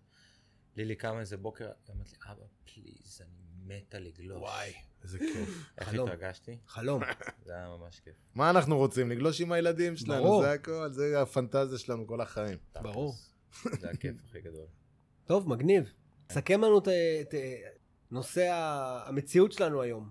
עזוב קורונה וכל הדברים האלה וזה, איך כאילו, איך באמת אתה רואה את כל ה... התקשורת היום, במיוחד במצב הזה, עומדת, עומדת ממש במרכז של המרכז של המרכז. גם אנשים שלא רואים חדשות. אני אומר לך, אני לא ראיתי חדשות, אה, כאילו, כלום לפני התקופה הזאתי. ובתקופה הזאת אתה, אתה מחובר, אין, אין ברירה, אתה כאילו מחפש רגע מה קורה, מה קורה, מה קורה, מה קורה. אבל אתה לא מקבל כלום. אבל אתה לא מקבל כלום, בדיוק. לא רק שאתה לא מקבל כלום, קודם כל התקשורת בכלל לא עבדה. נכון? לא היה כלום, מה הם קיבלו? כל הזמן שידרו הודעות דובר של משרד כן. הבריאות. זה מה שהם עשו, כולם חיכו. לראות את מספר. כמה... זה. בדיוק. ואנשים לא יצאו מהבית, שידרו מהבית, לא נפגע... קשה, ה- כל הטק- הטלוויזיה איך שהיא נראית שכתבים כל הזמן משדרים מהאולפן וכל הזמן באולפן ולא יוצאים בכלל לשטח ולא מסתובבים ולא רואים את אה, המציאות ב- וכל מה שמשדרים לך זה רק אה, הודעות זה דובר. קופי פייסט של כלום. כן, זה קשה סתם לקרוא חרטא. לזה עיתונאות, כן. זה לא, זה כלום, אבל זה, היום אנחנו רואים את זה, אנחנו כל כך הרבה, מאז שההורים שלנו בכלל, הם, שהיה ערוץ אחד הם קיבלו רק את- את ה... בדיוק. הכל היה מהונדס ברמות שאי אפשר לתאר. הרשתות החברתיות דווקא, פותחות את זה. כן, כי הכל, יש גם את חוכמת ההמונים, ואין אין אינטרסים, אתה יודע, יש את האלגוריתם שהוא מחליט לך מה תראה, אבל יש לנו, אני חושב שעדיין יש לנו מידה של השפעה יותר גדולה ממה שהיה בעבר על... אה, לפחות לה, להבין את המציאות יותר טוב ממה שהיה קודם. אבל- אבל קשה זה, לעבוד עלינו. בדיוק, אבל זה, זה בדיוק המסר. המסר הוא שאנשים כאילו לא מבינים שמה שהם צורכים בחדשות זה מהונדס ברמות אבל מי על. צופה בחדשות האלה? שמע, אתה אולי, אנחנו הדור האחרון, הילדים שלי, היל- הילדים שלי, הם לא יכולים לפתוח חדשות. אני חושב שרוב האנשים... לב, אמר לי גם שרוב ה- ראיתי בשבע וחצי לפני שבאתי, הוא אמר לי, אבא, ת, תפסיק לראות את החדשות האלה, זה לא עושה לך טוב. הילד בן חמש. בסדר, אני זוכר שגם אני הייתי אומר את זה להורים שלי, אבל אני חושב שרוב האנשים... כן, תשמע, אני היום, יש לי חבורה שמע, של הצפייה חברים בטלוויזיה יורדת. לי- החדשות האלה, הרייטינג שלהם יורד. אמנם עכשיו תקופת משבר, אין מה לעשות. אבל זה לא ימשיך כמו שזה. כל העולם משתנה מן הקצה לקצה, עולם התקשורת. הם לא יצליחו להחזיק. אנשים לא יוכלו לצרוך את הפייק הזה יותר. זה לא. ילך ויותר יותר ויותר ברור מה פייק ומה לא פייק. ומה שאתה רואה היום בתקשורת זה בעיקר פייק. אני חושב שדווקא התקופה הזאת מבליטה את זה יותר, ואנשים אף פעם מתעוררים ואומרים, רגע, מה, מה מאכילים אותנו פה, כאילו? אז יהיה, יהיה איזשהו שינוי אחרי התקופה הזאת, שאנשים יחפשו את המקורות שלהם במקומות אחרים. אנשים כבר מקווה. במקומות אחרים, אנשים בעיקר ברשתות החברתיות, כן. לא? הבעיה שגם ברשתות החברתיות לא יש. קרה כלום יותר מדי. לא, שם אתה מוצא ווירדוז אחרים. כן, אבל נגיד אתה רוצה לצרוך תוכן, אז בזמן, ה... בגלל שכולם היו כל כך בסגר, אף אחד לא ייצר תוכן בעצם, זה הכל היה מין פוסטים כאלה, לא, כן, לא ראית כלום. כן. מה- נכון, מה קורה? אני זוכר את הפעמים הראשונות שיצאתי כאילו ונסעתי באיילון כאילו שהכל היה ריק. זה היה, אפוקליפטי לחלוטין כן. בימים הראשונים של הסגר. הזה. זה היה משוגע, אני זוכר אני שרעדו לי הביצים, וואלה, לא, לא יודע, אמרתי מה, אני מסכן את עצמי פה וזה, ואז קלטתי שוואלה. אתה רואה דברים, פתאום סוגרים את איילון, ככה באמצע היום, משאיות, מורידים אותם באמצע הכביש, מה, דבר, ראיתי חזיונות, אני אומר לך, ראיתי דברים. היה פה דברים הזויים בהתחלה. לגמרי אי אפשר. לדעת מה. כן. זה היה סתירה, ואז אה, לאט לאט הת- התרגלו אליה. לאט לאט התרגלו, כי אנשים אה, התרגלו להישאר בבית, בלי לשאול שאלות. אף אחד לא שואל שאלות. כן. למרות שבשבועיים האחרונים קצת התחילו קצת... אה, אבל עוד פעם, זה חוכמת הבדיעבד, אף אחד לא יודע מה קורה עם. אנחנו לא יודעים כלום, נכון? לא יודעים מה- אנחנו יודעים, לא. יודעים כלום. אבל אה, כל דבר שאומרים לנו בתקשורת, אנחנו ראוי שנפקפק בו. לגמרי. ב- לגמרי. באמינות שלו, זה. בטוח. חוץ מדוקו טיים אגב. אה, סתם, דוקו טיים גם אז תפקפקו בהכל, לגלוש. הכל חרטא. מה, מה? פרסמו שמותר לגלוש, אז מחר אסור לא, אני מדבר הודעות דובר זה בסדר, כאילו. או שאללה. מותר לגרוש רק בדרומי. לכו. רק לדרומי. רק שם מותר לגלוש. שמע, אני באמת חושב שאנשים, שהצפיות שלי הן כל כך גבוהות, בגלל שאנשים אה, אומרים וואלה, זה, זה, תוכן זה, לא, אמיתי. זה לא פייק. כן, טהור. שזה נקודה חשובה שדיברנו עליה בהתחלה, וזה באמת אה, דבר שאני חושב שראוי להדגיש לקראת אה, סיום הפרק הזה, שבאמת, חבר'ה, תצרכו תוכן שהוא אה, לא מציג לכם קונפליקטים. אתה, אתה הגדרת את זה בצורה שאני אף פעם לא חשבתי עליה. לא את הקונפליקטים הזאת. השגורים. כן, אבל זה כל כל- כך נכון. כאילו, שמציגים לך קונפליקט, כל דוקו טיים הוא קונפליקט מציג. תמיד יש איזה קונפליקט, אבל זה לא הקונפליקט. של הרגיל. כותביו- לא, אבל אתה אמרת משהו כל כך נכון שאף לא חשבתי על זה ככה, שתמיד, תמיד, תמיד, תמיד מציגים לך תמונה שיש בה ימין ושמאל. אשכנזים, ספרדים, זה שחורים, הנרטיב הלאומי לבנים. שאנחנו גדלנו עליו. כן, ואז באופן אוטומטי, אתה אתה, בצד. אתה נדרש להזדהות עם אחד מהם. ואם אתה אומר לא, אני באמצע, אז לא, אין לך דעה. אתה יודע משהו? זה לא נכון. עכשיו, אתה יודע מה שאני רוצה להגיד לך, נגיד דוגמה, אני חושב Surfing for Peace, בסדר? אני זוכר שהייתי בשבעה של חברים, שבעה של אה, אימא של אה, שכן שלי, נפטרה, שבעה, והיו כל מיני חבר'ה מתל נורדאו, חלקם חזרו בתשובה, היו בכלא וזה. והיה עם אילן לוקאץ' שעשה כתבה על החבר'ה בעזה, זה ראיין אותי. ואז בא אליי מי שהייתי בבית ספר, אומר לי, וואלכ, אתה בוגד אתה, אתה לא מתבייש, אתה לא זה. אמרתי לו, בוא, בוא רגע, בוא. בוא שב דבר איתי, מה אתה חושב, מה אני... איך אתה מגדיר אותה? שמאלני, אוהב את הערבים, אוהב את הזה? אמר, תקשיב, יש תחומים אפורים בעולם, אוקיי? הרוב הוא אפור. אומר לי, מה, אתה תביא שלום, אתה הולך להביא שלום? לא, אני לא הולך להביא שלום. אבל וואלה, יש שם כמה אנשים שאני אוכיח לך שהם לא נגדך. כמה אנשים יש בין לבין במציאות הזאת. לא, בסוף... אומר לי, לא, לא, לא, לא, לא, או ככה או ככה, אין אמצע. חינכו אותנו לחשוב בדיוק. בשתי צינורות. נכון, נכון. זה בדיוק הבעיה. בסוף תסתכל אבל כולם בני אדם, זה לא משנה מה. בסוף כשאתה מסתכל על הבן אדם עצמו, זה לא משנה מה הוא בא, ואתה יכול להתחבר לכל בן אדם. לא משנה כמה כאילו ב- בשבלוניות שלו יהיה רחוק ממך. אתה תפגוש בן אדם שאתה תחשוב שאין לך שום דבר איתו במשותף, ואתה תראה שיש לך הרבה יותר איתו במשותף ממה שחשבת. כי בסופו של דבר, אתה מתחבר לאנשים כי יש לכם ערכים משותפים. לאו דווקא אותם דעות, כן. אבל ערכים משותפים. וזה הבסיס שמחבר בין אנשים. בסוף 99% מהאוכלוסייה זה אנשים טובים לדעתי. לגמרי. ש- שכאילו רוצים לחיות חיים שלווים ושקטים נכון. ולגדל את המשפחות שלהם, לא מחפשים שום קונפליקט ושום בלאגן. וזה הנרטיב של Surfing for Peace. לגמרי. ושאתה, ושאומרים לי שאני עושה על דברים הארדקור, ושאני עושה על שוליים בעיקר, אני אומר לא נכון.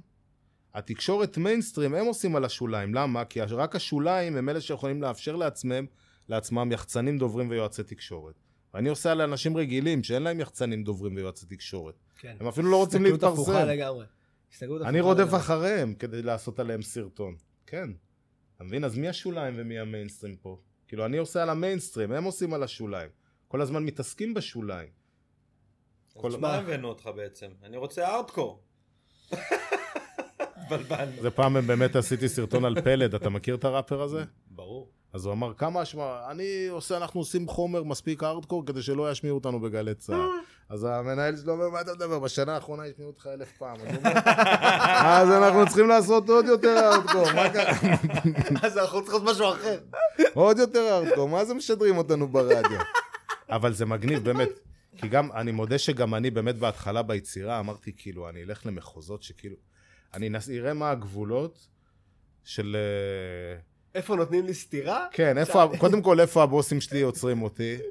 ושתיים, כאילו, איפה באמת הקהל העצום הזה של הפייסבוק, המאסות, כאילו, יבואו ויגידו, מה זה הביזיון הזה, מה זה הבושה הזאת? כי וואלה, אני עושה סרטון על, אה, לא יודע, תואמת קנאביס. שאז, לפני ארבע שנים זה באמת היה כל כך חדשני, אפילו אותי זה הפתיע שבכלל יכולתי לצלם את זה, שאישרו לי לשדר את זה, כאילו, זה היה לא הגיוני בעליל. אבל זו, זה בדיוק הדיסוננס הזה, בוא נחזור לעולם הגלישה. ואנשים מתים על זה, אנשים רוצים לראות את זה. איך הדבר החם, ברור. הסקסי הזה, שאתה לא בטוח שהוא, שהוא, שאתה חושב שהוא נישאי ומגניב, פתאום הוא נתפס. אז נחזור לעולם שלנו, לעולם האופנה וזה, ניקח את המותג Gotcha.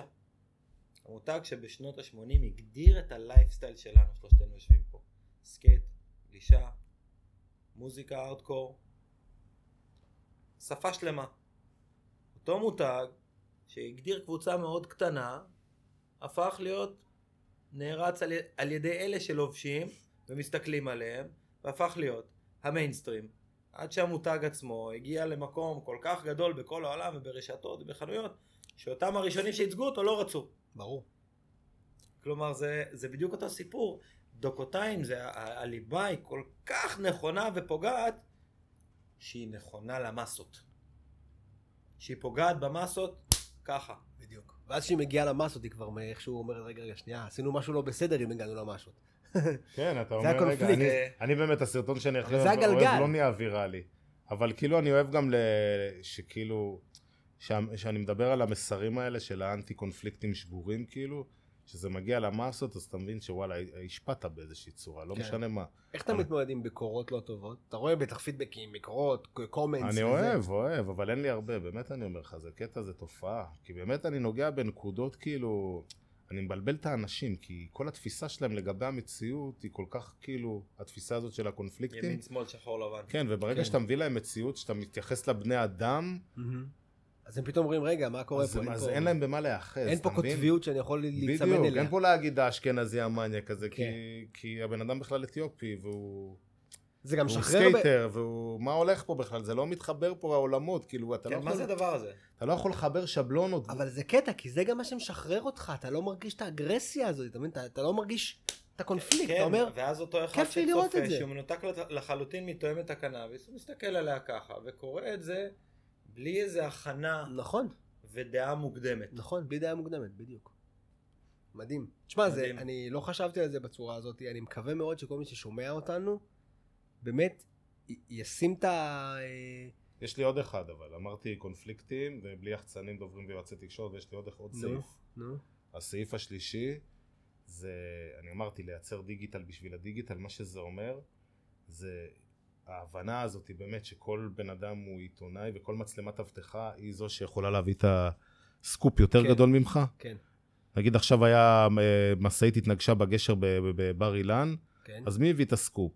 הביא אותו מי שהבן אדם שבמקרה צילם את זה עם הסלולר. כן. אז כדי להתחרות בעצם בכל הסקופיונרים האלה, בכל האנשים האלה שמביאים את הסקופים כל הזמן ואת הסרטונים האלה שהופכים להיות ויראליים, אז אני יודע שאני גם צריך להיות בהתרחשות עצמה, אתה מבין? אני חייב ממש להיות אותו בן אדם שמצלם עכשיו במקרה כן. בס... בסלולר מקור בפינת ראשון רחוב. ולא... אז או אני ליצור כאילו... אותה. ואז, ליצור אני לא אוהב ליצור, אבל אני כן יודע, אני כן, אני כן, אה, שאני, אני, אני האמת שתעמוד בכביש 4, סביר להניח שפעם בשבוע ייתקע שם משהו. יקרה. אבל כאילו אני, גם אני משתמש בניסיון שלי כאילו להבין את הסיטואציות. איפה ו- הולך לקרות לצפות. הידיעה? איפה הולך להיות, אני זוכר כן. שפעם היינו בירושלים, אמרתי זוכר לצלם... שדיברנו, אשר, זוכר שדיברנו על יום שישי, דיברתי איתך ביום חמישי על יום שישי, כן, נו. שהולך להיות טירוף. נו, אבל היה מכות? לא היה מכות בסוף. היה מכות, היה קפיצה של שוטר מג'טסקי. קומנדו. אה, ביום ההוא. נכון, נכון, דיברנו את השיחה הרי, נכון? אז אה, ניסיתי להגיד לחדשות של כאן שיעשו, מה זה אתם... ביום חמישי דיברתי איתו, אחרי שהלכתי למשטרה. אה, אז כאילו אני זוכר שנגיד פעם. הייתי בירושלים עמדתי ב... קלטתי שהולכות להיות מכות ופשוט אמרתי לצלם שלי תעמוד עם החצובה, וכאילו להיות בהתרחשות עצמה ברגע שהיא קורית עם חצובה, עם מצלמה טובה, אדיר. עם סאונד, אדיר. עם הכל, כאילו לדעת לזהות את, את האירועים לפני שהם קורים, אז זה גם קשור לבחירה של הנושאים שאני בוחר לסקר, כי לכל בן אדם יש סיפור טוב, אבל אתה רוצה דברים שיצטלמו גם טוב, לא יעזור כלום. אתה חייב להתחרות כאילו בפיד, כאילו בעוד, באין סוף אנשים, בסוף החבילה צריכה להיות מספיק סקסית. זה צריך להיראות שהיא- וואו. ברור. אז אני כאילו, אני, הנושאים שאני בוחר, אני אוהב לאתגר את עצמי גם בנושאים שהם לא וואו ולעשות אותם וואו, כי בסוף הוואו קיים. אבל אני משתדל לבחור נושאים שמצטלמים טוב מלכתחילה גם. ושאני יודע שאני הולך להיות בתוך התרחשות. אז על ליאור אי אפשר לעשות כלום. לא. וזו הצעקה אבל השנייה. נגיד אני עושה. עשיתי על... אה, אבל, אבל נגיד עשיתי על ג'אנגו מ Trash Addiction, נכון? אז אני יודע שאני נוסע איתם עכשיו לסשן עם החבר'ה שלו, ויש לי התרחשות, אתה מבין? אני. שם, אני עכשיו כן. המצלמה הזאת. הבן אדם שעמד עכשיו בסלולר וצילם אותם אה, קופצים בקול בו שלום, אתה מבין? אז אני שם, אני בהתרחשות עצמה. אז כל הזמן. זה המחשבה שלי, כמו איזה מצלמת אבטחה. תשמע, אני ממש ממש ממש מקווה שמי ששומע את הפרק הזה, ייקח את מה שאנחנו לקחנו. הלוואי. או כאילו, שיצפה פשוט בדוקותיים, זווית- יעשה איזה לייק, לא, לב. קודם כל, קודם כל שיצפה. בדוקותיים, תצפו בדוקותיים, ותבינו את הזווית שנותנים לכם, שהיא הכי פיור, והכי נכונה, והכי אמיתית, והיא לא בהכרח צריכה להיות קוטבית, ויש המון המון המון המון אפור בעולם הזה, ולרוב האפור הזה הוא מה שמגרד לכם את הקצה של האדרנלין וגורם לכם לחשוב ולפקפק ותפקפקו בהכל. ותדעו שבן אדם שמביא לכם את זה, הוא גולש. וסקייטר, וההסתכלות שלו, וקוראים לו אשר. מההיכרות האישית שלי, שלי איתו, אני יודע שההסתכלות שלו וה-DNA האישי שלו כגולש, מביא גם את, ה... את מה שהוא מביא לנו, לעולם. ההסתכלות, ה vibe, הזווית הזאת, הגלישה בעצם גם מתבטאת שם. אין מה לעשות, החיבור לטבע הזה ש- שהים הזה נותן לנו זה בלתי יתואר, כאילו האנרגיה הזאת, הטהורה הזאת שאנחנו מקבלים, זה תשתית להמון דברים טובים. זה מדהים, זה, זה נספג לך בגוף, זה נספג לך בתודעה, בנשמה, זה הולך איתך לכל החיים, אין מה לעשות. כן. הרגע הזה שהגן נשבר, כל האנרגיה הזאת שמגיעה מאלפי קילומטרים, כולנו מכירים את ה...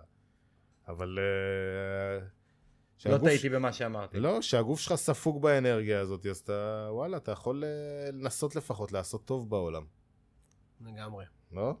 לגמרי. מדהים, אחלה.